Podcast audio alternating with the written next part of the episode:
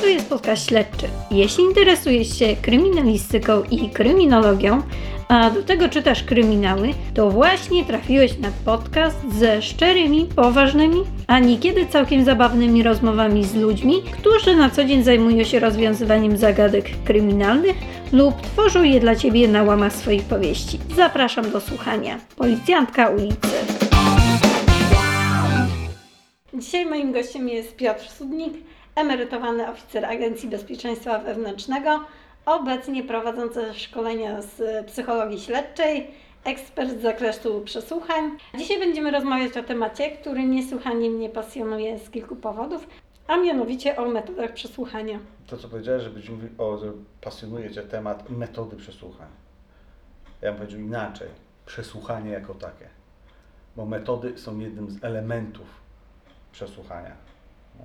Przesłuchanie jest jakimś zjawiskiem, Tak, masz rację. prawda? I stosuje się różne metody, techniki, taktyki i tak dalej. prawda? Więc można się fascynować tylko metodami przesłuchań, bo to jest trochę zawężenie tematu i to jest trochę takie, uważam, Wytniemy to.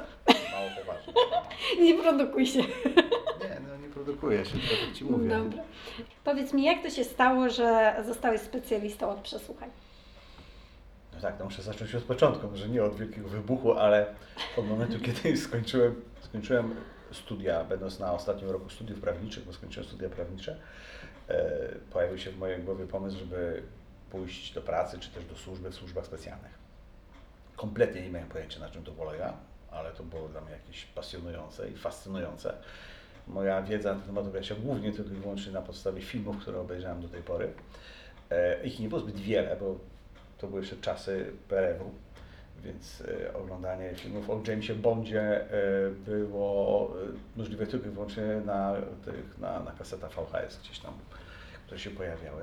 Czyli James Bond I, Cię zainspirował. e, Nienawidzę tego filmu. E, No, no, różnie ludzie do tego podchodzą. No, mają swoich ulubionych Jamesów Bondów. Chcieli być takim Najbardziej Bondem. nieulubionych. Ratować Nie, świat i mieć mnóstwo kobiet. Właśnie nie. Nie, nie. Stawiam raczej tutaj, y, y, stawiałem bardziej na taką y, służbę, wbrew pozorom. Okej. Y, I, I aczkolwiek, tak jak powiedziałem, nie miałem specjalnie wielkiego pojęcia, na czym to będzie polegało, ale ze względu na swoje, no i przeszedłem tą, tą, tą weryfikację, proces naboru, który, który trwał y, parę ładnych miesięcy. I zaraz po zakończeniu studiów praktycznie podjąłem służbę w Urzędzie Ochrony Państwa jeszcze wówczas. I trafiłem jako, że byłem z wykształcenia prawnikiem, trafiłem do Wydziału Śledczego. Jeszcze wówczas był Wydział Śledczy. I zająłem się prowadzeniem postępowań przygotowawczych, śledztw. No, a jednym z elementów uzyskiwania dowodów w śledztwie jest przesłuchanie. Przesłuchanie świadka podejrzanego, rozmowa z biegłymi, w ogóle prowadzenie rozmów z wieloma, z wieloma osobami, czyli pozyskiwanie tych e, źródeł, z, czy dowodów z osobowych źródeł dowodowych. No i było to przesłuchanie. I zacząłem przesłuchiwać ludzi, nie mając absolutnie żadnego przygotowania do tego. Po prostu kompletnie na No żywioł. to ty ci wrzucili i mówią, no to teraz się tym nikt, zajmiesz. nikt nikogo wówczas w służbach e, specjalnych, przynajmniej tych, do których ja trafiłem, czyli do Urzędu Ochrony Państwa, e, do Zarządu Śledczego e, Wydziału w Szczecinie, nikt nikogo nie uczył przesłuchiwać. To wszystko było robione na zasadzie, no przecież każdy potrafi przesłuchiwać, tak? Zadawać pytania, nie? Każdy potrafi zadawać pytania. Skoro umiem mówić, to potrafię zadawać pytania i potrafię w miarę możliwości zanotować w protokole to, co ten człowiek powiedział i na tym się kończyło przesłuchanie.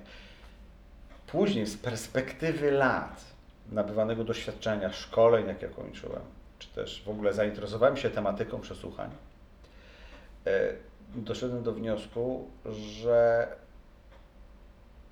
popełniłem taką masę błędów w czasie swoich przesłuchań, że te przesłuchania nadawały się do wyrzucenia wszystkie niemalże do kosza. Ale właśnie. No może teraz tego nie nadawały bo cię być- zaczną rozliczać Nie, za to. No, nie, to już jest tak zawieszłe czasy, że już te sprawy dawno się e, gdzieś tam pewnie zgniły w archiwach. Chodzi o to, że e, Może popełniałem, mówię, tak jak powiedziałem, że tak jak powiedziałem, że popełniałem taką masę błędów. Oczywiście w części z nich nie pamiętam, ale część na szczęście pamiętam. I ja o tym opowiadam na swoich szkoleniach. Jakie bardzo często błędy się popełnia w czasie, w czasie przesłuchania, czego należy unikać. No, będziemy o tym rozmawiać. No właśnie, że trzeba się uczyć na własnych błędach, że sami jesteśmy najlepszym poligonem doświadczalnym dla siebie, jeśli chodzi w ogóle o przesłuchanie, o komunikację, o prowadzenie rozmów. Mało która dziedzina życia jest dla ludzi uczących się danego zagadnienia tak komfortowa jak właśnie to, bo sam jestem w stanie siebie obserwować, wyciągać wnioski mm, na podstawie tego, co zrobiłem źle, obserwować innych ludzi i obserwować ich, wyciągać wnioski na podstawie tych obserwacji, gdzieś sobie budować na przykład właśnie tak jak mówiłaś, tutaj wspominaliśmy wcześniej, nie wiem czy to nie zostanie wycięte, chyba taktyki powiedzmy prowadzenia rozmowy, tak? Czy pewne Mhm. techniki. Zresztą powtarzam na swoich szkoleniach właśnie to, że mamy kapitalną możliwość niepowtarzalną ćwiczenia na samym sobie. Jesteśmy codziennie, jesteś, możemy sobie ćwiczyć, sobie różne robić ćwiczenia z zakresu obserwacji innych ludzi, same, my, sami y, obserwować swoje reakcje, bo o ile jesteśmy wszyscy bardzo od siebie różni fizycznie, mamy różne charaktery, tam się psychologowie podzielili te charaktery na nie wiadomo ileś tam jakiś tam, prawda, e, e, e, typów, prawda, typy. Tak, ale to jesteśmy wszyscy od siebie różni. Inaczej się ubieramy, inaczej pachniemy, mamy inne głosy, inne gusta, ale paradoksalnie jesteśmy wszyscy do siebie szalenie podobni i reagujemy na określony bodziec dokładnie w ten sam sposób. I to jest właśnie fascynujące, że ta masa różnic, a jednakowoż jeżeli ja reaguję na dany bodziec w taki sposób, bo odczuwam to, to mogę mieć 90% przekonanie, że inna osoba będzie reagowała dokładnie w ten sam sposób. Więc jeżeli ja go tak mówiąc brzydko zabodźcuję w taki sam sposób, Mhm. to mogę się domyślić z dużym prawdopodobieństwem i jakie reakcje emocjonalne u niego to. Dlatego mówię, to jest cały czas polega na, ta, ta dziedzina cały czas polega na tym, żeby się uczyć. To nie jest maestria, że ktoś jest ekspertem z zakresu przesłuchań, specjalistą z zakresu przesłuchań. To fajnie brzmi. Owszem, okej. Sam nim jesteś. Choć staram się o sobie tak nie mówić, ale no rzeczywiście powiedzmy można użyć tego określenia w stosunku do mnie, bo skoro inni używają w stosunku do siebie tych określeń, że są ekspertami z zakresu przesłuchania, w życiu przesłuchania nie przeprowadzili, no to no kim ja w takim razie mogę być, tak? Mimo, że tych przesłuchań przeprowadziłem no wiele, wiele, wiele historii swojej pracy zawodowej. Mimo, że te pierwsze były beznadziejne, no, ale te kolejne już, kolejne na pewno już były coraz, coraz to lepsze i efektywniejsze. Także to doprowadziło zainteresowanie, bo zadaliśmy pytanie, oczywiście Mhm. ja się rozgadałem, e, co doprowadziło do tego, że się stałem specjalistą z zakresu przesłuchań, to, że ta dziedzina mnie zaczęła bardzo interesować. E, I kiedyś e, mm, Eric Stallo powiedział e, taką mądrą rzecz, że, nie zacytuję dokładnie, że mm, w pracy e, sędziego śledczego czy to oficera śledczego wiedza psychologiczna e, tak praktyczna wiedza psychologiczna jest dużo ważniejsza niż e, wykształcenie prawnicze, wiedza prawnicza. I absolutnie się z tym zgadzam. Ta e, wiedza na temat ludzkich zachowań, ta inteligencja emocjonalna, inteligencja społeczna jest nie do przecenienia. E, nasze doświadczenie życiowe w związku z tym też jest bardzo ważne. W związku z tym nigdy super oficerem śledczym nie będzie ktoś, kto skończył studia, tak jak ja, mając tam 26 lat, powiedzmy, jak zostałem oficerem śledczym.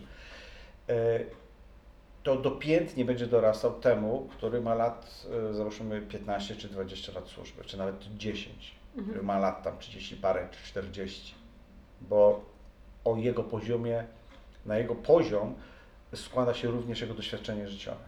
Nie tylko ilość przeprowadzonych przesłuchań, nie tylko szkolenia, które odbył, y, ukończył różne, często w jakichś tam niesamowicie poważnych służbach zagranicznych, ale, ale właśnie jego wiedza życiowa, jego doświadczenie życiowe, ilość ludzi, z którymi miał okazję rozmawiać, y, błędów, które popełnił i z których się uczył, z których wyciągnął wnioski. I to mnie zainteresowało i to doprowadziło do tego, że zacząłem na ten temat więcej czytać, rozmawiać z różnymi ludźmi, dopominać się o szkolenia. No, pierwsze szkolenia były y, te jeszcze w Urzędzie Ochrony Państwa dosyć zabawne, bo wysłano nas, pamiętam, do Centralnego Ośrodka Szkolenia w Łodzi, bo jeszcze wówczas w Łodzi był ten ośrodek. Wysłano nas mm, z kilkoma kolegami na taki kurs y, prowadzenia właśnie między innymi przesłuchań. Y, Ja już miałem wtedy kilka ładnych lat, lat służby, no ale my głodni wiedzy pojechaliśmy na ten kurs. No okazało się, że kurs był prowadzony przez ludzi, którzy w życiu nigdy nikogo nie przesłuchiwali i wiedzę mieli typowo akademicką y, i to, co wyczytali tam z, z y, kodeksu postępowania karnego. No i skończyło się tak, że drugiego dnia z tego pięciodniowego kursu, drugiego dnia ja z, z moim przesympatycznym kolegą Jarkiem z Poznania, wówczas służącym w delegaturze w Poznaniu, właściwie zaczęliśmy prowadzić to szkolenie. No trochę śmiesznie, żeby facet mając tam powiedzmy 5 czy 6 lat y, służby, ja wówczas nie wiedziałem pewnie jednej setnej tego, co, co, co dowie, czego dowiedziałem się później po latach Mhm. służby, czy teraz wiem, ale to był i tak już widać poziom wyższy niż, y, y, Niż trenerzy, tam- trenerzy którzy, którzy mieli nas teoretycznie uczyć. Więc te, to były powijaki jeszcze. Te, te, to, jest, to są lata 90. To było naprawdę wszystko jeszcze wtedy w powijakach, jeśli chodzi o uczenie się, szkolenie ludzi w tym zakresie, w ogóle zwracanie uwagi na potrzebę szkolenia ludzi w zakresie prowadzenia przesłuchań. Potem się stało tak, że Amerykanie mm, zaczęli, e, no, otworzyli trochę nam drzwi, Mhm. Ym, jeśli chodzi o tą wymianę, zaczęli zapraszać do siebie, do siebie ludzi na szkolenia mm, do, do, do, do, do, było? do Quantico. To połowa lat 90. Mhm. Do Quantico zaczęli ludzie wyjeżdżać, potem Amerykanie stwierdzili, bo im się tutaj oczywiście włączył kalkulator, że jednak łatwiej będzie i taniej przyjeżdżać tutaj do Polski i szkolić e, nas. Funkcjonariuszy w Polsce. Mhm. No ja takie szkolenie między innymi też właśnie skończyłem już tu w kraju, prowadzone przez agentów specjalnych mm, FBI i wówczas miałem styczność y, z, w tym zakresie, w tej, w, tej, w tej dziedzinie, jeśli chodzi o prowadzenie przesłuchań, do czynienia z naprawdę świetnymi fachowcami. Raz, że świetnymi fachowcami, jeśli chodzi o prowadzenie przesłuchań, chociaż nie widziałem, jakie przesłuchania oni Mhm. prowadzili, ale mogłem się domyślić z tego, co opowiadali. Nie byli to mistrzowie sali gimnastycznej, broń Boże. To byli agenci, którzy pracowali w linii od samego początku. E, bo oni się zaczyna od siedzenia na słuchawkach i e, słuchania tego, co ludzie mówią, którzy mają podsłuchy Mhm. założone, bo mi ten system wygląda trochę inaczej. Nie, tam się na żywca nie nagrywa wszystkiego, a potem się wywala, co niepotrzebne. Nie, tam się włącza urządzenie w momencie, kiedy mówi ten, kogo podsłuchujemy, Mhm. a jak mówi jego rodzina czy ktoś, to się wyłącza urządzenie wtedy. No, no i on miał taki dosyć, ten system jest troszeczkę inny, ale to wynika z przepisów, jakie tam obowiązują. Ale byli przede wszystkim ci agenci specjalni, FBI byli świetnymi trenerami. Naprawdę byli świetni, była elita. Ja bardzo wiele się nauczyłem patrząc na nich, jak oni pracują. Potem miałem jeszcze kontakt z nimi i przez, przez jakiś czas, kiedy, kiedy trafiłem później do Centralnego Ośrodka Szkolenia Agencji Bezpieczeństwa Wewnętrznego już jako wykładowca. Mhm. E, z, dodatkowo jeszcze skończyłem taki kurs przesłuchań e, w, poli- prowadzony przez Polską Policję w, w Katowicach, w Pietrowicach. I zaczęliśmy wdrażać e, ten e, kurs FBI w Agencji Bezpieczeństwa Wewnętrznego. No, Ja byłem jednym z takich no, głównych, e, głównych trenerów, który, który tym się zajmował i przez kilka lat prowadziłem te kursy dla funkcjonariuszy. A to jest to samo szkolenie, co jest u nas e, w CSP w Legionowie? Nie Czy- do końca, ponieważ to, które jest w CSP do tej pory y, prowadzone, z tego co wiem, ono jest podobnie jak to amerykańskie szkolenie, które oni prowadzili y, dla nas i prowadzą zresztą u siebie w- cały czas w FBI. Ono jest pięciodniowe. Mhm.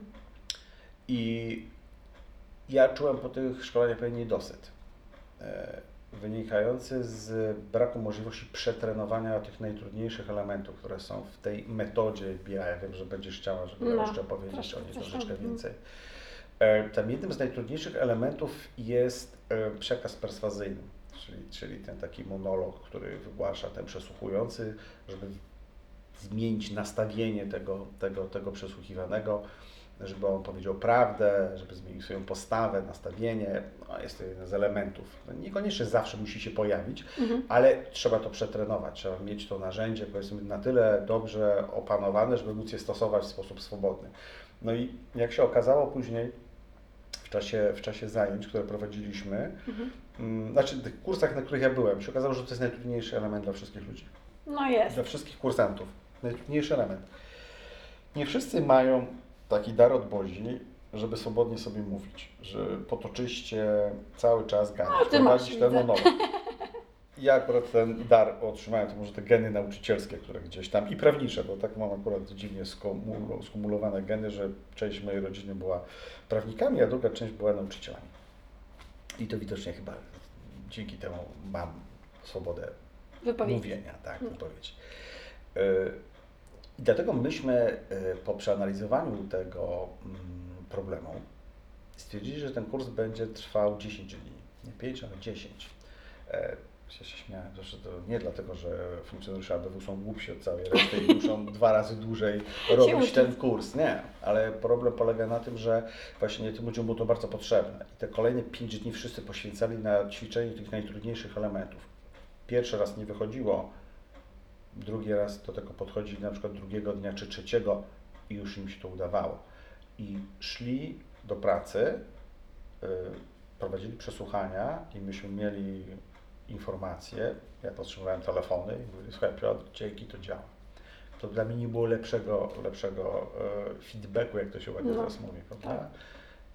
Żadne poklepywanie przez przełożonych po plecach, akurat to się rzadko zdarzało, bardzo wiadomo, jak to jest w służbach, ale, ale właśnie było to, że to działa. Ale dlaczego właśnie ta przewaga tego 10-dniowego szkolenia nad tym 5-dniowym? Ponieważ tym 5-dniowym najczęściej, oczywiście na wszystko jest zbyt mało czasu. Wszystko jest robione w dużej ilość materiału w bardzo krótkim czasie. I ten przekaz perswazyjny był prowadzony w obu przypadkach, Mhm. i w Piotrowicach, i prowadzony przez FBI. Był pokazywany przez tych trenerów, przez prowadzących. Wszyscy patrzyli i było coś takiego, ale super, patrz, świetne, działa, nie? No. też tak zrobię. No i przychodziło co do czego, wracali do siebie, do, do jednostek, prowadzili przesłuchanie i rozbijali się często o, o to, że nie udawało im się. Że po, I stwierdzili, e, dobra, wracam do swoich sprawdzonych Mhm. metod. Fajne, fajnie, spędziłem fajnie 5 dni. A dobra, to generalnie nie działa. I całą tą metodę, nazwijmy to, wrzucali do kosza. Mhm.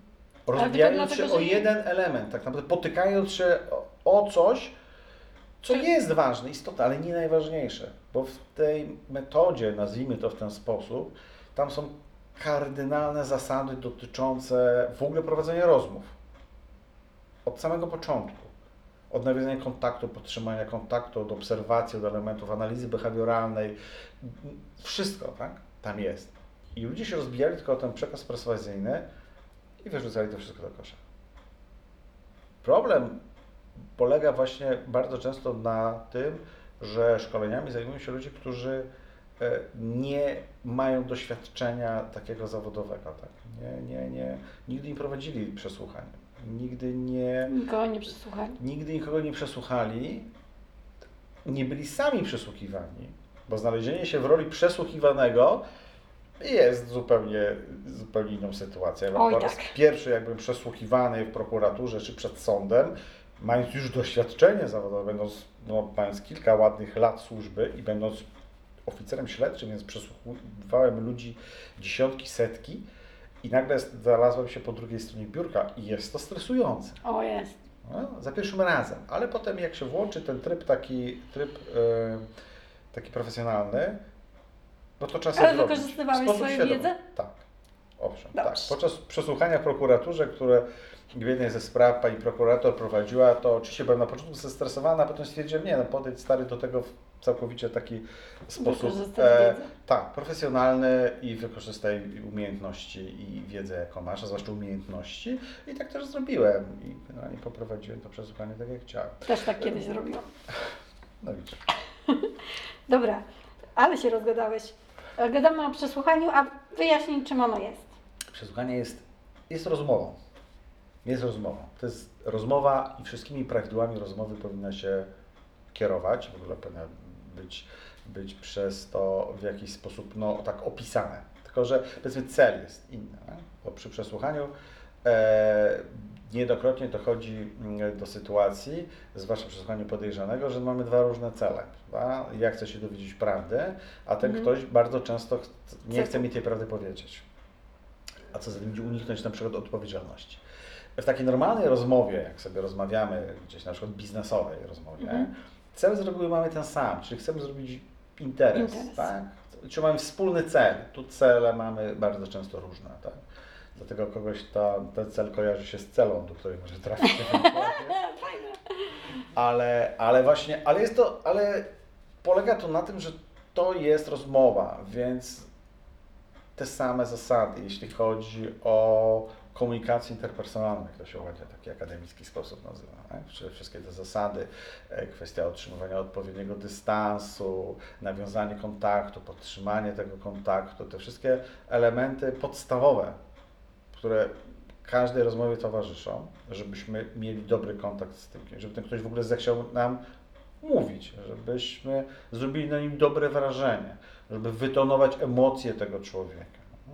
A co za tym idzie, żebyśmy mogli ustalić normę jego zachowania, co jest bardzo ważne, jeśli chodzi o później możliwość przeprowadzenia analizy behawioralnej, czyli Wykrywanie dowiedzenia kłamstwa? się, tak, no wykrywanie kłamstwa, nazwijmy to w ten sposób. Tak, bo to się tak określa, ale właśnie ocenieniu jego zachowania pod kątem, czy okazuje zachowania, które możemy zaklasyfikować jako mogące świadczyć o tym, że jest z nami nieszczery. No, to o to chodzi. To jest ta, na, ta analiza behawioralna. Mówi się zresztą wielokrotnie, że ta mm, metoda FBI to polega na prowadzeniu głównie analizy behawioralnej. Także to jest analiza behawioralna, to jest odmieniane jest to przez wszystkie możliwe przypadki. Tak, okej, jest analiza behawioralna, tylko że nam się to kojarzy, że to trzeba być super naukowcem, żeby coś takiego zrobić, tak? przynajmniej skończyć studia jakieś e, psychologiczne, żeby robić analizę behawioralną. To jest nieprawda. Na tym poziomie takiego rzemiosła, jakie powinien reprezentować policjant czy funkcjonariusz Mhm. służb, który prowadzi, prowadzi mm, przesłuchania, e, nie musi mieć skończonych studiów psychologicznych, musi tylko mieć, musi mieć zdolność obserwacji, dystans przede wszystkim też do samego Mhm. siebie. Ale wiedzę jakąś podstawową z tego zakresu Ale musi, musi. oczywiście, że tak. Na poziomie rzemiosła, tylko i wyłącznie. Ja to zawsze powtarzam. To nie jest maestre, to jest nie wiadomo co. To, to, nie, to jest szalenie dalekie od tego, co oglądaliśmy w serialu Lie to Me, tak? czy Magia Kłamstwa. Mhm. Gdzie tam doktor Light No ja się tak pojawia, prawda? tak. I on tam, no Mhm. wiele osób to oglądało. Zabawny film. Bardzo mi się podoba. Ale Podstawowe Było- informacje Było gdzieś przekazuje. sporo rzeczy, zwłaszcza w pierwszych odcinkach, w pierwszym sezonie, rzeczywiście oni się w dużej mierze opierali na tym, co, co Paul Ekman im doradzał, bo on był konsultantem Tak. tego, tego, tego serialu. Zresztą On też posłużył jako pierwowzór tego głównego bohatera. Doktora Lightmana, tak, Mhm. to, to, był, to, był, to był Paul Ekman. I, I rzeczywiście w pierwszym sezonie mówili wiele takich rzeczy, takich prawdziwych jak najbardziej. No oczywiście no, magia, e, znaczy kina musiała tutaj też, mieć miejsce, no, odegrać, żeby no. zrobić, zrobić show, tak? No, więc on tam na podstawie jakiegoś tam jednego zachowania już wyciągał daleko idące wnioski i powiedział, że ktoś kłamie, czy też e, mówi prawdę. Tego się nie robi, tak?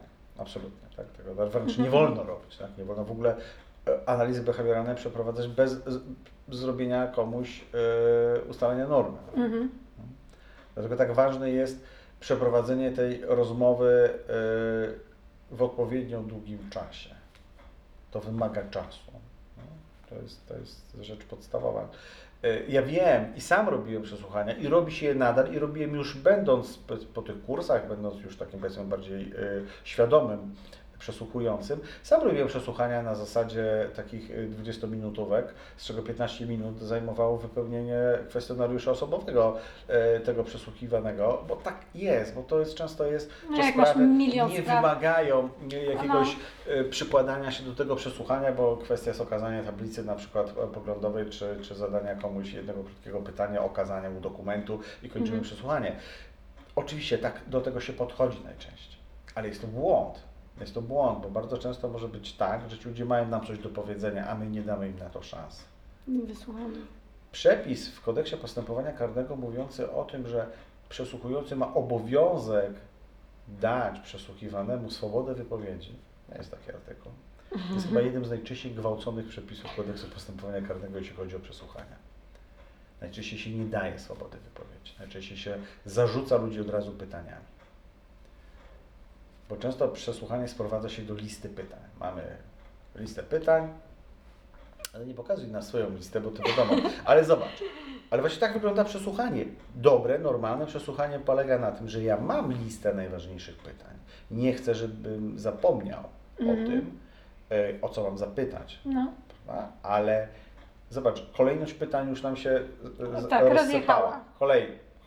Rozsypała nam się, bo ja zacząłem mówić o rzeczach, które Tak. chciałaś mnie zapytać Tak. gdzieś tam później i to już będzie bez sensu, jakbyś mnie zapytała teraz, to ja odniosę takie wrażenie, że mnie nie słuchasz, tak? No właśnie. Prawda? A ja chcę być słuchany. Bo każdy ma na mniejszym bądź wyższy poziomie, z reguły jest to wysoki poziom miłość własną, prawda? czy nasze ego. I ty mnie nie słuchasz, to znaczy, że nie poświęcasz mi należytej uwagi.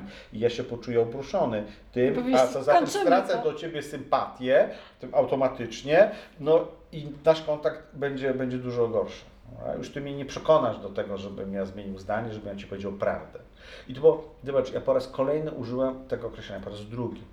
Bo w przesłuchaniu, wbrew temu, co wiele osób twierdzi, ja się z tym spotykam wielokrotnie, zadając ludzie pytanie, jaki jest cel przesłuchania? Mówią, przyznanie się. No nie, nie przyznanie się. Uzyskanie informacji jak najbardziej zbliżonych do prawdy. To jest cel przesłuchania. Nie przyznanie się. Bo nie, to, to nie są e, procesy inkwizycyjne. A nie ma zapału.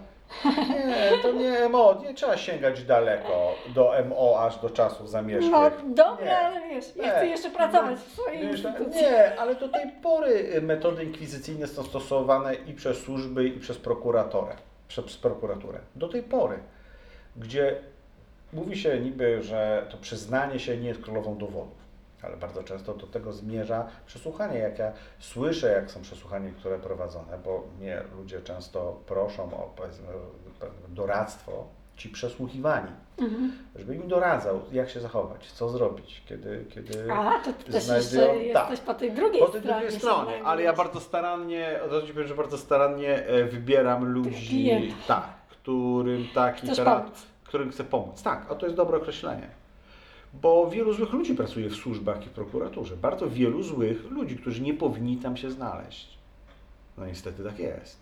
I uważam, że ludzie, którzy trafiają tam całkowicie przypadkiem, otrzymują jakieś zarzuty, są, są, są nękani, gnębieni, są zastraszani, muszą wiedzieć, jak się bronić. I od tego jestem czasami ja, żeby im powiedzieć, bo znam to od obu stron. No. Miałem okazję kiedyś robić, robić też dla jednego z urzędów polskich, tych samorządowych, takie szkolenie dla urzędników, e, właśnie jak się zachowywać na, na, na. Tak? Jak znają, znajdując się w roli przesłuchiwanego, co robić, tak? jakie mam prawa, jakie ten ktoś, kto mnie przesłuchuje, ma obowiązki, e, jakie będzie mógł stosować w stosunku do mnie niedozwolone praktyki, bo to chodzi o to, żeby ci ludzie wiedzieli, wiedzieli, że ci ludzie po drugiej stronie muszą się za- zachowywać w sposób nie tylko etyczny, Mhm. ale przede wszystkim zgodny z prawem, bo nawet dochodzi tutaj niejednokrotnie do łamania prawa. Więc to jest karygodne kompletnie. Kiedyś taki, nie jeszcze kilka miesięcy temu zrobił się taki szum medialny, jeden z posłów się wypowiadał e, opozycyjnych, że to jest, ogóle jest to skandal, że ZUS szkoli się z przesłuchań. A no była. Było. Ja nawet miałem okazję wypowiadać się tam dla TVN-u chyba, czy dla jakiejś innej, innej stacji telewizyjnej na ten temat. I oczywiście pocięto tą moją wypowiedź tak, żeby pasowała tam do, do, do, do tezy, którą postawili, ale ja powiedziałem, że jak najbardziej, jak najbardziej powinni się szkolić. Powinni się szkolić, jak prowadzić dobrze przesłuchania. Bo to jest rzemiosło. Oni prowadzą jakieś ZUS na przykład, prawda? Mhm. czy inne, inne mm, organy, że nie organy, tylko inne instytucje, y, które mają uprawnienia kontrolne. Czyli Mhm. prowadzą przesłuchania Mhm. tych ludzi, u których prowadzą kontrolę. De facto No jest to tak. przesłuchanie, jest czynność taka sama, tylko to, to ranga jest może troszeczkę inna. Mhm. Ale oni powinni wiedzieć, jak to się robi. Mieć to narzędzie opanowane. Ale niestety tego nie mają opanowanego i te przesłuchania wyglądają jak wyglądają. I niejednokrotnie ludzie e, całkowicie niewinni, uczciwi, prowadzący swoje interesy zgodnie z prawem, z przepisami, no gdzieś mają problemy, bo rozbijają się o jakąś tą, tą urzędniczą taką e, e, e, oziębłość całkowitą i, i, ignorancję. A ci, którzy są rzeczywiście winni, robią jakieś tam e, wałki, Szkolenia. mówiąc kolokwialnie. I przynoszą szkody, to unikają odpowiedzialności, bo ten po prostu urzędnik nie jest w stanie ich dobrze przesłuchać. Także uważam, że mają takie uprawnienia urzędy, szkolcie swoich ludzi. Jak najbardziej, bo to jest rzecz, której można się nauczyć. Mhm. Dobra, kurna, teraz mi tu zamieszałeś w tych pytaniach. Ja się muszę odnaleźć. No tutaj trzeba, musi być elastyczne. To jest Mhm. podstawowa rzecz. I przesłuchanie, tak jak każda inna rozmowa, jest żywym tworem. I ono będzie ewoluowało. Ja nie mogę komuś mówić, dobra, dobra, ale to pa- panu zadam to pytanie za chwilę. Potem ktoś musi mówić po nie. I to ten przesłuchiwany, przecież to jest taka proporcja, on ma Mhm. mówić więcej niż ja, zadając mu pytania. Pytanie nie może być rozwlekłe, na które ja dostanę odpowiedź nie wiem. Albo, Albo nie, nie. pamiętam. Albo tak. Albo tak, albo nie. Tak, a niejednokrotnie tak się zdarza. No właśnie. E, powiedz mi, czy właśnie jak wygląda takie przesłuchanie? Czy rzeczywiście jest tak, że za tym weneckim lus- lustrem e, stoi i tam, nie wiem, ktoś tam się temu przygląda, a w przesłuchaniu bierze udział tylko e, ten, który przesłuchuje i przesłuchiwana osoba? Bardzo różnie. Weneckie lustra są drogie w ogóle. Ale serio się stosuje e, Yy, tak. Takie pokoje do przesłuchania? owszem, stosuje się takie pokoje, czy też stosowało się, ale niezwykle rzadko. Niezwykle rzadko, bo taki pokój, jak powiedziałem, weneckie Hmm. No, jest no. drogie. I, I z reguły był jeden taki pokój w budynku całym, a przesłuchiwało na jednokrotnie wielu różnych funkcjonariuszy. W związku z tym to musiało być super ważne przesłuchanie, żeby komuś y, to e, e, kogoś puścić do tego pokoju z tym lustrem weneckim. Do czego się y, lustro weneckie wykorzystuje? Przede wszystkim do okazywania przestępców.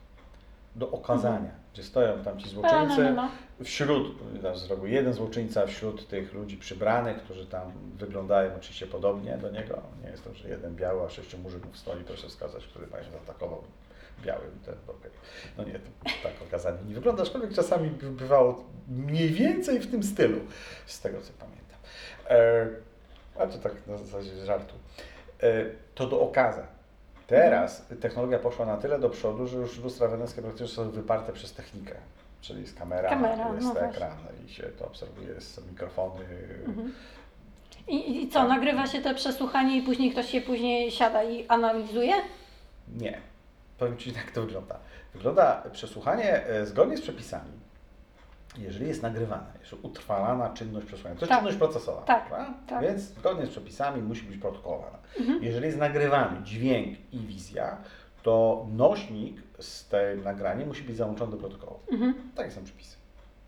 Ale to daje mi też, jako przesłuchującemu, e, dodatkową szansę, że ja mogę sobie to odtworzyć, to przesłuchanie jeszcze ile razy będę chciał. I obejrzeć sobie tego przesłuchiwanego, jak on się zachowuje, kiedy zadawam mu na przykład pytania. Bo coś mogło mi umknąć. A Na zawsze coś nie zwróciłem. Nie ma siły, żeby nie umknęło. Kurczę, ja jak odsłuchuję podcastów, to myślę, Boże, on naprawdę co powiedział? Tak, to jest no, statystycznie Szok. rzecz biorąc, nie mamy szans usłyszeć i zarejestrować wszystkiego, każdego zachowania. No gdzieś mrugniemy okiem, a pojawi się jakaś, jakaś jakieś Albo zachowanie. jakieś myśl w głowie. Mikroekspresja tak zwana, tak? Ja nie będę o mikroekspresjach opowiadał, albo opowiem o mikroekspresjach, właściwie, bo ja jestem sceptyczny wyjątkowo do mikroekspresji. Naprawdę? O, to tak. jest ciekawe. E, Owszem, jestem, ponieważ one z takiego mm, praktycznego punktu widze, widzenia w przesłuchaniu prowadzonym w czasie rzeczywistym, face to face, praktycznie są nie do wykorzystania. Jak sama nazwa wskazuje, mikroekspresja trwa ułamek sekundy. No ale są ludzie, którzy się szkolą do tego, komputer jest szkolony już do tego, no to no można dobra, no w właśnie, tym nagraniu ale widzisz, ale można widzisz, to widzisz, to nagrywamy wtedy, Tak, tak? Zobacz, tak. jeżeli obejrzysz sobie Ekmana, który jest jeden światowej klasy specem z zakresu mikroekspresji, w ogóle jednym z, z twórców tej metody, to on nie pracuje na żywo z człowiekiem, którego zachowanie ocenia, tylko on pracuje na materiale filmowym, który został nagrany. Mhm. No. Nie może sobie Nawet zatrzymać każdą super, mega stopklatką. specjalista, jakim jest Paul Ekman, nie będzie w stanie wykorzystać swoich umiejętności w normalnej rozmowie face to face w pełnym zakresie, w minimalnym zakresie to Mhm. zrobi. Bo zobacz, to jest, przesłuchanie jest dosyć w sumie trudne, ponieważ jeśli chodzi o, o obserwację jednej osoby, robienie tej, y, tej analizy zachowania, tak, czyli analizy behawioralnej, bo mikroekspresja, czy ekspresja mimiczna tłumiona, czyli jest powód, żeby ktoś to stłumie, tak? nie chce okazać Mhm. no, swojego zachowania, znaczy emocji swoich, I, to znaczy zachowania spowodowanego przez emocję określoną, tak? więc ją tłumić, więc ona trwa bardzo króciutko. Szalenie trudno jest ją raz zauważyć, zinterpretować, jakie emocje ona dotyczyła, a jeszcze musisz dokładnie wiedzieć, co spowodowało tę emocję, jaki się pojawił bodziec w postaci najczęściej Twojego zachowania, polegającego Pytanie, na zadaniu tak. określonego pytania, określonej treści. No. Więc Ale ja, niekoniecznie musi być e, ten, ta e, emocja może się pojawić w odpowiedzi na pytanie. Może to być na jakąś myśl. Mm, I ty musisz to ocenić. To, może ktoś sobie coś w głowie pomyślał i myślał. ale dlaczego pomyślał? No nie wiem. Nie wiem, No właśnie, się ty- zastanawia bo- nad sytuacją, ty- w której się znalazł. Ale też się zastanawiam, bo ty dajesz na to czas. Ale Mhm. tylko zabodźcowałaś go najczęściej właśnie, zadając Aha. określone pytanie, czy stosując inny zabieg, na przykład, na przykład y, y, manipulując dystansem, tak? Czyli stosując te techniki takie, takie są proksymiki, tak? czyli, czyli Mhm. manipulacji dystansem i wpływania na, na czyjeś emocje.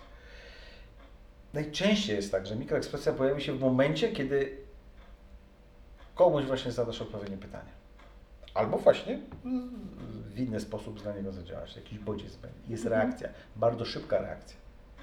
To są maksymalna sekunda, dwie. Szybka reakcja będzie tłumiona. Mhm. I wykonanie całej tej pracy myślowej, poważnej pracy myślowej w Twojej głowie, kiedy prowadzisz przesłuchanie, kiedy słuchasz, co on mówi, y, oceniasz logikę wypowiedzi. Dwa, zastanawiasz się cały czas nad kolejnymi pytaniami, żeby być kompatybilnym, jak to się z Mhm. informatycznego języka ładnie nazywa, z tym przesłuchiwanym. Y, No niestety, sorry. No nie.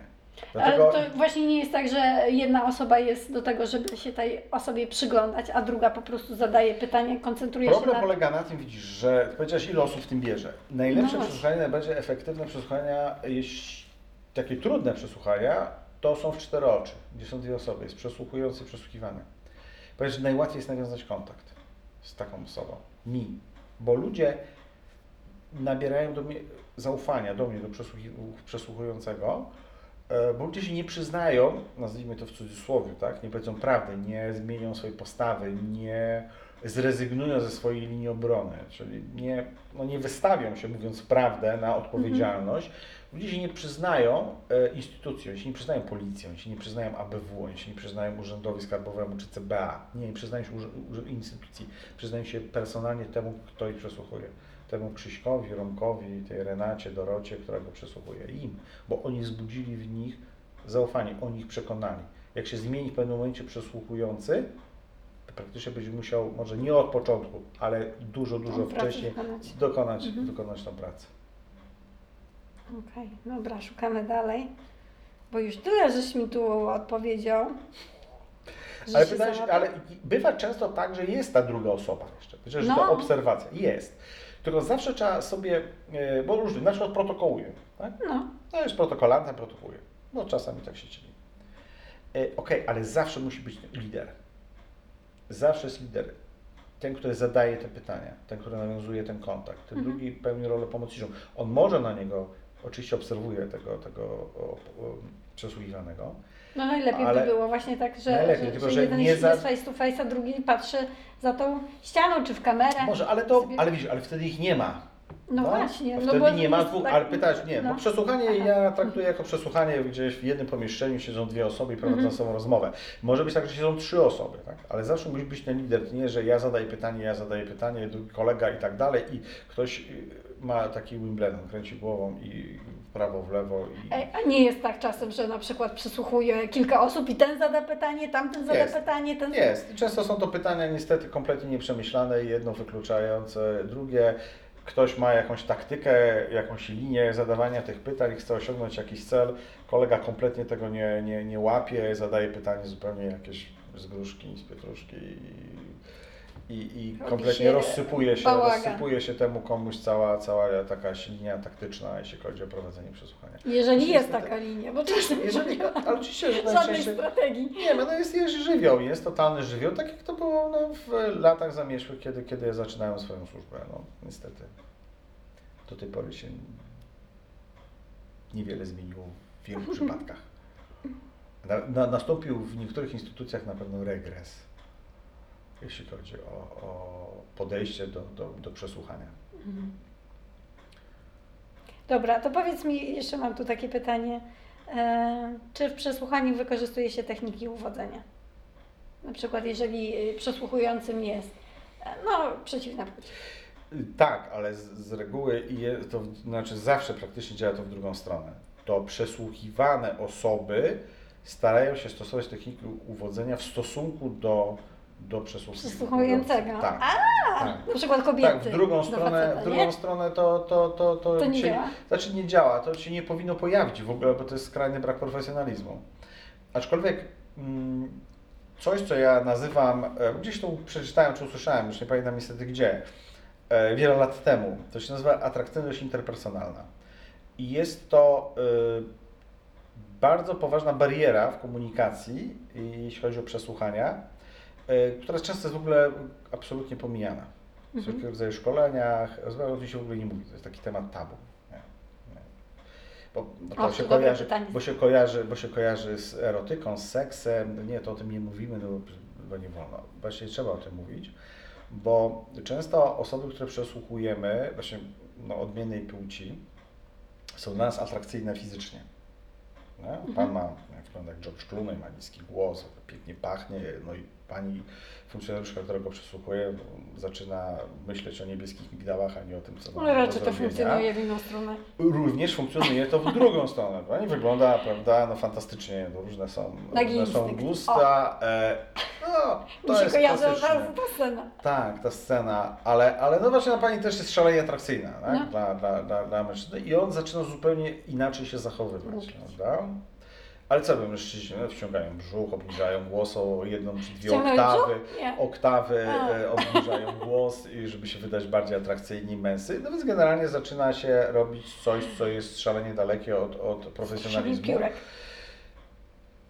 Więc wiedząc o tym, że coś takiego jest, że działają takie mechanizmy, działają, bo jesteśmy zwierzakami, naprawdę, jeśli chodzi o nasze zachowania takie e, e, pierwotne, jesteśmy zwierzakami cały czas, niewiele coś zmieniło od czasu, gdy ganialiśmy po sawannie w Afryce, Mm, to wiedząc, że coś takiego jest, że to działa, że wystąpi taki, może wystąpić taki, taki, taki, mm, taki element, to ja zdaję sobie z tego sprawę, to nie padnę tego ofiarą.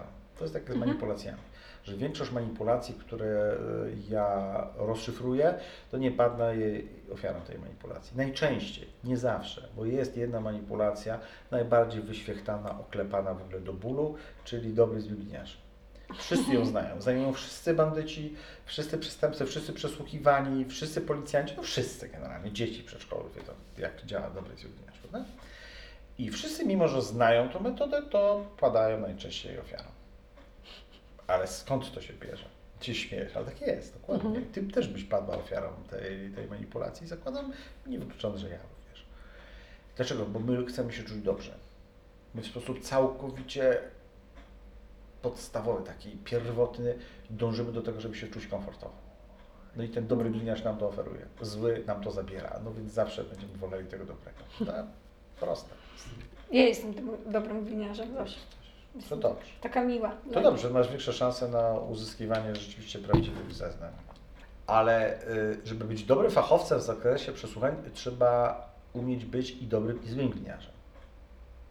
Jednocześnie, bo już to nie są te metody, które się ogląda Mhm. Filmach, jeśli chodzi o dobry zły gliniarz, ktoś niedawno się wypowiadał, jeden z ekspertów z zakresu przesłuchań, że to już nie działa, tego się już nie stosuje dobrego i złego gliniarza. Nic bardziej błędnego, stosuje się, robi się to nadal, bo jest to skuteczna metoda, tylko nie robi się tego na zasadzie, jak to kiedyś był w zamierzchłych czasach taki film francuski mm, Wróg Publiczny numer jeden z Fernandelem, gdzie tam stali policjanci i dmuchali na niego dymem z papierosów, prawda, czy też tam krzyczeli, głośno muzykę puszczali, wprowadzali go w skrajny dyskomfort. Nie, no i robi się coś takiego. Wystarczy, że ja jednoosobowo prowadząc z kimś monolog na przykład, właśnie ten element, który jest jednym z tych, z tych, z tych części tej metody FBI, z tych z technik, stosuję właśnie taki zabieg, jak przedstawiam komuś dobrą opcję. Że to nie jest jeszcze tragicznie, że może wyjść z tej sytuacji z twarzą, że poniesie może konsekwencje, ale one nie będą może tak straszne, jak sobie teraz wyobraża i tak dalej. Przedstawiam mu dobrą opcję, a za chwilę będę mu przedstawiał złą opcję, że straci kontakt z rodziną, że straci możliwości rozwoju kariery, że dzieci będą bez niego wychowywały, że może stracić mieszkanie, dom i tak dalej. Snuje przed nim jakieś w ogóle czarnowictwo. I, jedno, I zobaczę, jak się zachowuje. Zobaczę, która, która dla niego opcja jest ważniejsza, co na niego działa. No? No i robi dobrego złego gliniarza de facto jedno, jednoosobowo. Tak? No. Więc to cały czas działa, bo chcemy usłyszeć dobrą opcję. Chcemy usłyszeć, że jeszcze będzie fajnie, że dobrze, poniosę konsekwencje. Yy, może stracę to, co do tej pory miałem, będę musiał tam zapłacić, jakieś kary ponieść, nie wiem, utracić mieszkanie, utracić pracę, firmę, nie wiem, wyprowadzić się z tego fantastycznego domu, w którym mieszkam, przez jakiś czas mieć ograniczony kontakt z rodziną, ale będzie jeszcze fajnie. To potrwa, ale już będzie później, będzie już tylko lepiej, tak? Mhm. Każdy chce to słyszeć. Kurczę, chyba już odpowiedziałeś na wszystkie moje pytania. Nie, nie. na Nie, jeszcze? Ale oczywiście, Jeszcze coś ci tam siedzi. Nie, no oczywiście. że- Chciałeś być, na czym polega metoda FBI? O, nie, jeszcze mam tu No, lepsze, widzisz, ciekawsze. no Wiecie, każde przesłuchanie się skończy, kiedy przesłuchujący nie ma nic do powiedzenia. No to jest no ten, to, to możemy tu siedzieć chyba to jest jutra. ten zły, Coś mi się to, tak to wydaje. jest ten zły moment właśnie taki, kiedy wiesz, prowadzisz przesłuchanie i na każdym przesłuchaniu to przesłuchu- przesłuchujący no, zadaje pytania, no, siłą rzeczy, tak? No. Bo pytanie jest tym narzędziem podstawowym, w związku z tym umiejętność zadawania pytań jest kluczowa. Nie potrafimy zadawać. Właśnie o to chciałam zapytać. Ładnie. Jak formułować pytania? Dobrze. Raz, że to jest technika. przykład, e, To jest technika zadawania pytań. Czy właśnie nie zadawać pytań zamkniętych zbyt wiele w odpowiednim momencie, zadawać te pytania zamknięte, uszczegóławiające. E, To, to są techniczne rzeczy. To jest technika, ale istnieje coś jak taktyka zadawania pytań. Kiedy, jakie pytania, prawda? No właśnie. Mówi się y, niejednokrotnie o tym, że me- metoda FBI y, jest metodą lejka. Tak? Czyli lejka, czyli tak lejek, tak? od szerokiego do wąskiego, czyli. No, no, od no. ogółu do szczegółu. Tak. tak? I to rzeczywiście tak jest. Tak jest rzeczywiście, że od ogółu do szczegółu i ten ogół, ta szeroka część lejka w sobie zawiera wiele, wiele elementów, jak nawiązanie tego kontaktu, wytonowanie czyichś emocji, czyli umożliwienie mi ustalenia normy tego człowieka, a później ten lejek się robi coraz węższy, coraz węższy, aż do samego domu, gdzie ten człowiek już rzeczywiście ciśnienie duże czuje, że ja jestem w stanie przeprowadzić analizę behawioralną, już zadaje, zadaje konkretne, konkretne pytania, zagrażające pytania behawioralne, słucham, co mówi, obserwuję, jak się zachowuje, kiedy mówi, zwracam uwagę na niewerbalne cechy mowy, czyli sposób, w jaki mówi. Tak? Bo to są dla mnie wszystko szalenie cenne informacje, które po, pozwalają mi ocenić do pewnego stopnia wiarygodność tej osoby. I pytania są kluczem i nie potrafimy zadawać Ludzie na moich szkoleniach niejednokrotnie rozbijają się o zadawanie pytań. Wydaje nam się to banalne. Wszyscy z uśmiechem podchodzą do takiego, e, takiego ćwiczenia na zadawanie pytań. Ono, oni nie wiedzą, że to jest na zadawanie pytań, Mhm. ale mają zadawać pytanie i ustalić tam wśród trzech osób, kto, kto kłamie. I mają zadawać, ustalić na podstawie tylko i wyłącznie zadawania, zadawania pytań. I o ile podchodzą do tego ćwiczenia e, na luzie z pewnego rodzaju taką nonszalancją, nawet arogancją, która jest właściwa wszystkim nam, e, no przecież to za problem zadawać pytania. Zresztą potrafię mówić, jestem człowiekiem wykształconym, żyję na tym świecie parędziesiąt lat, w związku z tym potrafię zadawać pytania. No i wtedy jest zderzenie ze ścianą. I się okazuje, że nie potrafimy zadawać pytań. Jeśli chodzi o ich logiczny ciąg, Mhm. czyli o tą Ale czy- taktykę Czyli oraz o powinien technikę. się przesłuchujący przygotować do takiego przesłuchania, przygotować sobie pytania wcześniej, jakie Tak. chce zadać, Ale o to wszystkim powinien mieć, wejdę Ci słowo, przepraszam, powinien, raz, pytania, jakie chcę zadać, muszę mieć, żeby o nich nie zapomnieć. To jest Mhm. normalne. Ale ja muszę potrafić zadawać pytania, bo ja nie jestem w stanie przewidzieć wszystkiego, co powie mi mój No tak. przesłuchiwany. Więc ja muszę nadążać na tym, co on mówi logicznie, cały czas kontrolować y, logikę jego wypowiedzi, czyli ten intelektualny przekaz, a jednocześnie zwracać uwagę na jego zachowanie i zadawać dobre pytania cały czas. Nie może dojść do momentu, kiedy ten ktoś przestanie mówić i ja też nie będę wiedział już go o co zapytać. No to jest Mhm. tragedia. To nie może tak być. To on może zamilknąć, bo on No. może mieć problem z udzieleniem odpowiedzi. To jest dla mnie też jakaś informacja. Ja zawsze muszę mieć coś do powiedzenia. Zawsze. Ale to ten przesłuchiwany ma wiedzieć, mówić więcej niż ja. Ja zawsze zadaję takie pytanie. Jak się spotykam z ludźmi, prowadzę No. jakieś tam warsztaty. Zadaję im takie pytanie. Słuchajcie, czy kiedykolwiek ktoś z Was dowiedział się czegoś nowego, kiedy sam mówił? No to jest setki osób, które przeszkolił jeden człowiek się powiedział, że on tak. No chciałem, że to jest No, to dobre. wybitne, Co wybitne. powiedział? Coś plątał się strasznie później, kiedy zadałem mu jakieś dodatkowe pytanie, co to było, prawda, i tak dalej. Doszliśmy potem do wniosku po chwili rozmowy, że rzeczywiście się nie dowiedział niczego nowego, ale o sobie czegoś tam, no sobie coś tam poukładał w głowie, tak. No ale niczego nowego się nie dowiedział. No, Mhm. nie dowiemy się niczego nowego, kiedy sami mówimy. No. Po to mamy dwie pary uszu i tylko jedna usta, żeby więcej słuchać niż mówić. Bardzo dokładnie. Tak, dokładnie jest tak, jak mówisz. To jest tak, że e, i obserwować. Też taki, po, taki ideogram chiński pokazuje, zawsze mam go na slajdzie, taki, on tylko na, na tym slajdzie jest ten ideogram Mhm. chiński.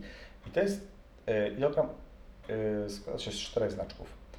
I on oznacza słuchanie. Ale te znaczki, e, każdy z nich oznacza inne słowo. Tam jest oko, ucho, serce i niepodzielna uwaga. I to jest po chińsku słuchanie. I powinniśmy tylko i wyłącznie z tego wyciągnąć naukę dla siebie. No to jest trudna sztuka. Słuchać. Bardzo.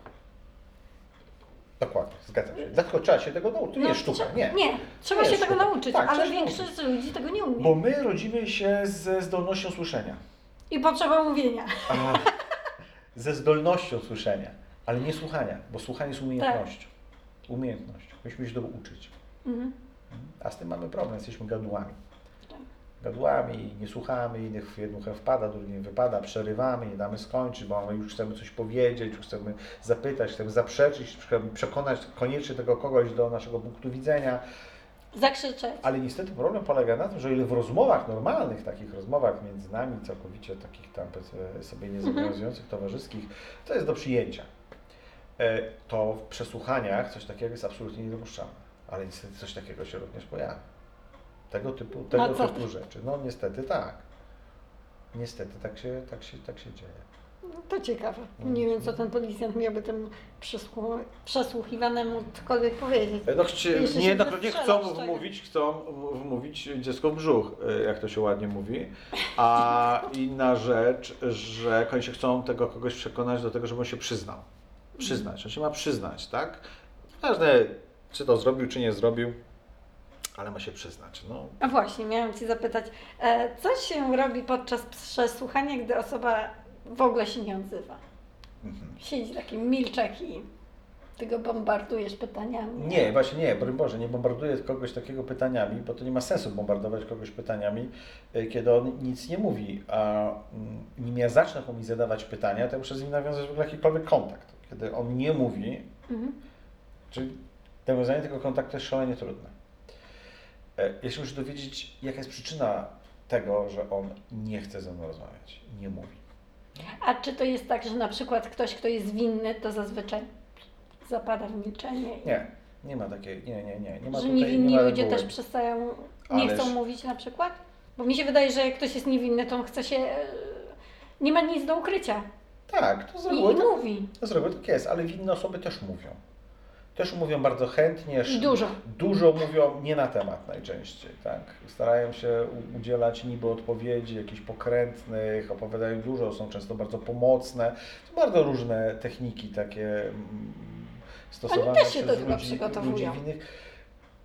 Pewnie często tak. W jakimś tam, w jakimś tam stopniu się pewnie przygotowują do, do bycia przesłuchiwanym, ale mm, nie jest to takie proste. Z, przede wszystkim z tego względu, że ja się przygotowuję do przesłuch bycia przesłuchiwanym w komforcie psychicznym. E, Kiedy nie czuję się zagrożony, kiedy, kiedy czuję się, się dobrze, e, nie mam realnego zagrożenia Mhm. żadnego. A w momencie, kiedy znajduję się nagle w pomieszczeniu, gdzie jestem przesłuchiwany, gdzie e, mój komfort jest na bardzo niskim poziomie, to nagle zaczyna działać nasz instynkt, zaczynają działać nasze emocje, zaczyna działać właśnie ten autonomiczny układ nerwowy i wiele, wiele rzeczy się z nami dzieje, których nie jesteśmy w stanie kontrolować, które chcemy stłumić w sobie, a to tłumienie tym bardziej jeszcze widać. Pojawiają się właśnie elementy takie, że gdzieś zaczynamy powtarzać na przykład to, co już mówiliśmy dokładnie tymi samymi słowami, ta legenda zaczyna nam się sypać przy zadawaniu konkretnych pytań, zaczyna nam się sypać w momencie, kiedy ktoś nas pyta o emocje, bo na ten temat jest trudno kłamać. Wiele, wiele czynników się na to składa, że nawet dobre przygotowanie do kłamania, yy, do opowiedzenia swojej wersji nieprawdziwej jest niezwykle trudne, o ile trafimy na skutecznego przesłuchującego. Jesteś specjalistą od e, metody przesłuchania opracowanej przez FBI. Czym ta metoda różni się od innych? Właśnie coś tak, to jest, ja kiedyś powiedziałem, że to jest taka nazwa produktu. Ponieważ Amerykanie, mm, kiedy opracowywali tą e, metodę, nazwijmy to w ten sposób, to, to były lata, koniec lat 80., oni w Quantico swojej akademii mm, utworzyli katedrę badań behawioralnych. Między innymi Paul Ekman, o którym już tu wspominaliśmy, e, pomagał im tam przy, przy tworzeniu mm, tej katedry. No i oni opracowali coś, co nazwali metodą EBI. Tylko, że na dobrą sprawę to zrobili coś takiego, co polegało na tym, że zebrali wszystkie do tej pory znane metody przesłuchań. Mm, e, Dodali do tego e, całkiem sporo praktycznej wiedzy psychologicznej. No i wypuścili taki produkt, który, który e, nazwali metodą przesłuchania EBI. Zresztą bardzo, bardzo wydaje mi się skuteczny sam produkt, jeśli chodzi o, o prowadzenie przesłuchań, o docieranie do przesłuchiwanych osób, mm, uzyskiwanie w miarę możliwości kompletnych informacji oraz y, maksymalnie zbliżonych do prawdy. Dzisiaj będziemy się dawali w szczegóły, na czym to polega, bo to Mhm. musimy jeszcze kolejne dwie godziny rozmawiać.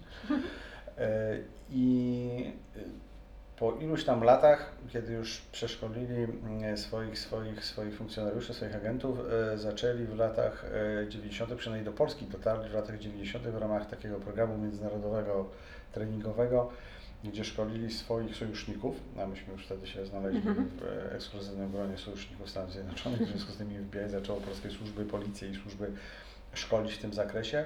No i jako produkt nazywa się to metodą, przesłuchaj metodą HBI. I tak już to funkcjonuje i mm, tak jak jeszcze raz powtórzę, uważam, że to jest bardzo dobra metoda. Nie jako całość, bo nie zawsze będziemy mieli okazję całą ją wykorzystać od A do Z w czasie Mhm. przesłuchania, ale ona zawiera w sobie tak dużo narzędzi, bardzo dobrych narzędzi, efektywnych w przesłuchaniu, że stosowanie poszczególnych narzędzi już daje bardzo dużo temu, który przesłuchuje. Tylko trzeba je umieć stosować, e, czyli najpierw, najpierw nauczyć się ich dobrze, Mhm. W swobodny sposób sobie nimi żonglować w miarę potrzeb, no i stosować je. One są efektywne, rzeczywiście. I chciałem przy okazji powiedzieć jedną ważną rzecz, żeby nie mylić metody Rajda, taka amerykańska metoda e, przesłuchań, którą Amerykanie do niedawna jeszcze uważali za podstawową i kluczową metodę przesłuchań służącą do uzyskiwania e, sukcesu polegającego na przyznaniu się do winy. No, że to była inkwizycyjna metoda. Mhm. Ponieważ w metodzie Rajda, czego się nie robi w metodzie FBI, nigdy jest to, jest to zakazane nawet według pewnych reguł, że daje się do wyboru dwie opcje. Bardzo złą i złą. Nie daje się dobrej opcji. I ten ktoś po wielogodzinnym przesłuchaniu, bo to jest też element e, przesłuchań metodą Rajda, że Mhm. te przesłuchania trwają bardzo długo, to są nękające są wręcz.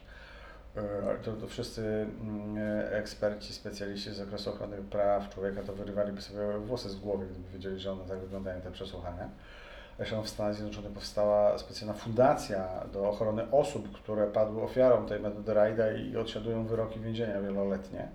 I tych ludzi usiłują wyciągnąć z z więzienia, wznawiają procesy, ponieważ te osoby właśnie padły. Przyznały tak, się. dokładnie przyznały się do rzeczy, których nie zrobiły, bo padły ofiarą e, policjantów czy funkcjonariuszy, którzy przesłuchiwali właśnie metodą Rajda. Więc metoda Rajda nie jest tym samym, co metoda przesłuchania FBI. Mimo tego, że parę osób nie podało nazwisk tych osób, Mhm. Ale w Polsce spotkałem się z e, twierdzeniami, że tak, metoda FBI to jest metoda Rajda i generalnie jest to jedno i to samo, w związku z tym należy potępić, bo jest zła i nie należy absolutnie nikogo szkolić. W ogóle najlepiej nikogo nie szkolić z przesłuchań, bo to jest w ogóle złe. Przesłuchanie się źle kojarzy, to jest okropne, fatalne i Ale służby nękają ludzi. No nie, no ale e, atmosferę się wokół przesłuchań robi taką, tak jak już wspominałem przy przesłuchaniach które, z których szkolić się chcieli tam pracownicy ZUS-u, tak, że to jest Mhm. okropne i to jest wymierzone wszystko w biednego obywatela. No nie, jeżeli ktoś jest niewinny i nie ma nic do ukrycia, to nie ma czego się obawiać na przesłuchaniu. O ile jest prowadzone w sposób rzeczywiście zgodny z prawem i zgodnym i według pewnych zasad etyki zawodowej. No ale już powiedziałem, niestety nie jesteśmy w stanie tego często zagwarantować, tak? Mhm. Skoro już zacząłeś o tych szkoleniach, to czy służby prowadzą szkolenia resortowe z zakresu przesłuchań, albo na przykład czy, czy, czy zdarzyło Ci się, że funkcjonariusze przychodzą do Ciebie na szkolenia Mhm. Znaczy, policja wiem, że nadal szkoli Mhm. z przesłuchań. W Legionowie są szkolenia i z tych szkoleń korzystają nie tylko policjanci, ale i też korzystają e, Inne służby? inne służby, instytucje państwowe. Wiem, że się też szkolą tam. E, wiem, że przyjeżdżają tam na takie kursy e, mm, słuchacze, mm, którzy s- odbywają aplikacje sądowe czy prokuratorskie. Też się tego, tego uczą. E, Patrząc na czasami, to sobie pozwolę na pewną taką drobną złośliwość, można nie drobną, patrząc na poziom, jaki reprezentują często sędziowie i prokuratorzy, chociażby w zakresie zadawania pytań i prowadzenia przesłuchań, to nie wiem, chyba śpią na tych zajęciach tam naprawdę w tym Legionowie, albo może nie wszyscy je kończą. Te, te, te, Może nie wszyscy Legionowie. kończą. Nie, bardzo możliwe. Ale uważam, że są bardzo potrzebne i rzeczywiście e, potrzeby wymiaru sprawiedliwości w zakresie nauki, prowadzenia przesłuchań uważam są ogromne, nie do przecenienia. Są Mhm. ogromne.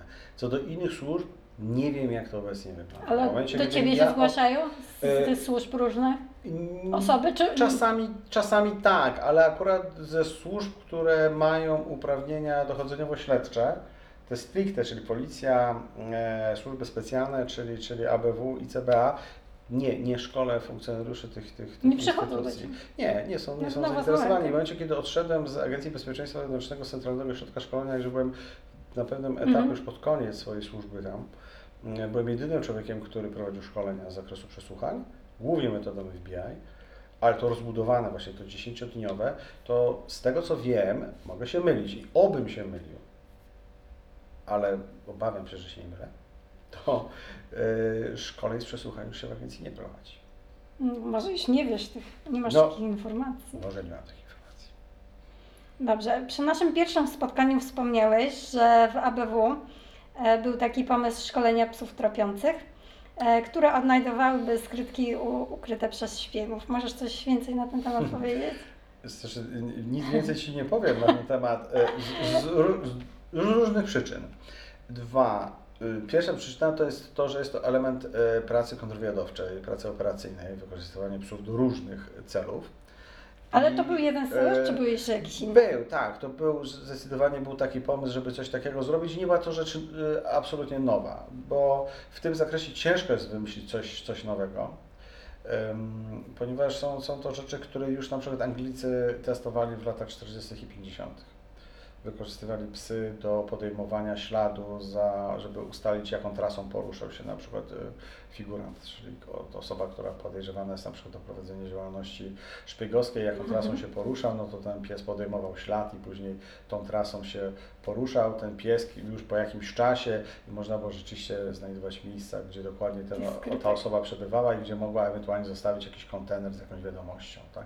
Ale no teraz to- e, zostawiają e, e, takie wiadomości, że tak powiem, w świecie fizycznym. Tak, właśnie to jest, to, jest, to jest ciekawe, że e, w ostatnich czasach mm, wraca się do tych klasycznych metod pracy, pracy takiej szpiegowskiej. No tak. Ponieważ internet, którym się zachuśnięto kilka lat temu, czy też kilkanaście, bo to przecież internet to, jest już 20 lat, tak? No.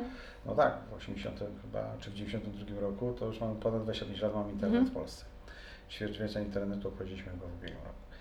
To taka w sumie łatwość e, infiltracji internetu przez służby, wbrew temu, co niektórzy twierdzą, że to nie jest, że to jest tam, Nie można jest. się ukryć i tak dalej, no nie jest to wcale takie proste.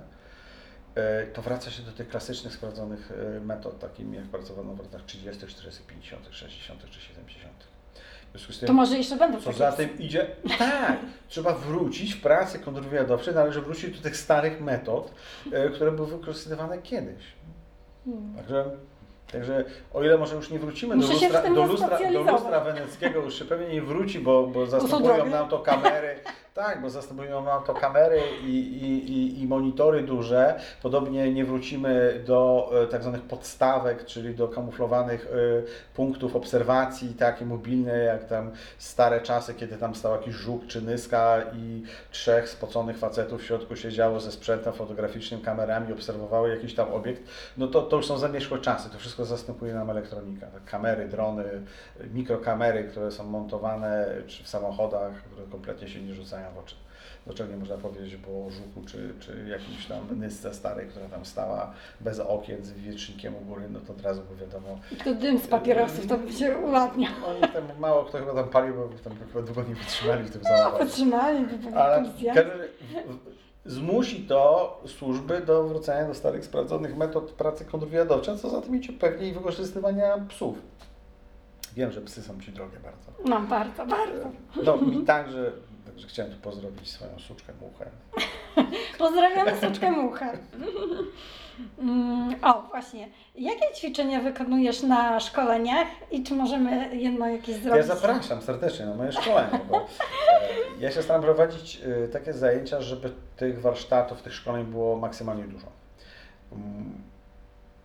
Oczywiście odpowiednio podbudowanych teorią, bo nie możesz zrobić samych ćwiczeń, bo to No kompletnie to jest bez sensu. nie, ludzie nie będą wiedzieć o co chodzi. Dokładnie, bo to będzie fajna zabawa, nie grali zabawy świetlicowe, wszyscy będą zadowoleni, uchachani i tak dalej, ale nie bardzo będą wiedzieli o co chodzi. Także to tak to jest bez sensu prowadzenie. Mówią ludzie, a chcemy, żeby było 90% warsztatów na przykład. No, nie ma takiej możliwości. nie? Bo Że najpierw 80%. procent warsztatów, a 20% teorii. No nie, nie ma takiej możliwości. Od teorii trzeba zacząć i, i potem ewentualnie na tej podstawie robić jakieś, jakieś warsztaty. Y, Różne. Zaczynam y, robić mm, te warsztaty, ćwiczenia od tych, zdawałoby się, najprostszych, e, czyli od nawiązania kontaktu, ale od zadawania pytań, co się okazuje i być jednym z trudniejszych. Mhm. E, Czyli to właśnie ćwiczenie na zadawanie pytań. E, Później są ćwiczenia z analizy behawioralnej. Z raz już mamy to zadawanie pytań, więc zadajemy pytania i obserwujemy osobę, jak się ona zachowuje i wyciągamy na tej podstawie wnioski i budujemy, budujemy sobie jakiś tam obraz tego, czy ta osoba jest z nami szczera, czy też nie. Później kolejne ćwiczenia to jest analiza, analiza wypowiedzi osoby. Mhm. analizujemy wypowiedź autentyczną, prawdziwą wypowiedź, którą, którą mm, im daje do analizy i oni się Skąd masz te wypowiedzi? Słucham? Skąd masz te wypowiedzi? Z sieci. Aha, Tak, ze źródeł otwartych, całkowicie e, udostępnione, więc... że są jakieś Nie, takie. nie, nie, nie, nie, nie, A, to się, fajnie. Pewnie polityków bierzecie na pierwszowi. staram się tego nie robić, bo różne, nie chciałbym urażać czyichś e, sympatii Poglądu? politycznych, Aha, sympatii politycznych, bo... ale może ktoś by przejrzał na oczy, wiesz. Nie, nie, absolutnie bierze się za to nie. Ja staram się być całkowicie apolityczny i nie poruszać drażliwych tematów, bo mogłoby to doprowadzić później do jakichś e, zażartych dyskusji. Wiadomo, jak Polacy potrafią dyskutować zażarcie na temat swoich sympatii bądź antypatii politycznych. W związku z tym nie. Absolutnie nie są to politycy e, i, i, i są to prawdziwe, prawdziwe wypowiedzi osób e, podejrzewanych e, o popełnienie przestępstwa. Mm, Teraz takim nowym materiałem, który, który mm, będę na pewno omawiał na, na najbliższych zajęciach, które będę prowadzić, na najbliższym szkoleniu, jest przesłuchanie mm, pułkownika armii kanadyjskiej prowadzone przez sierżanta detektywa z, e, z policji kanadyjskiej w Ottawie i on jest podejrzewany o, o zabójstwo kilku kobiet i, i o przestępstwa seksualne w stosunku do kilkunastu innych kobiet. Mhm. I to jest y, przesłuchanie autentyczne całkowicie, nagrane, nagrane z, z kamer, które były umieszczone w pokoju przesłuchań.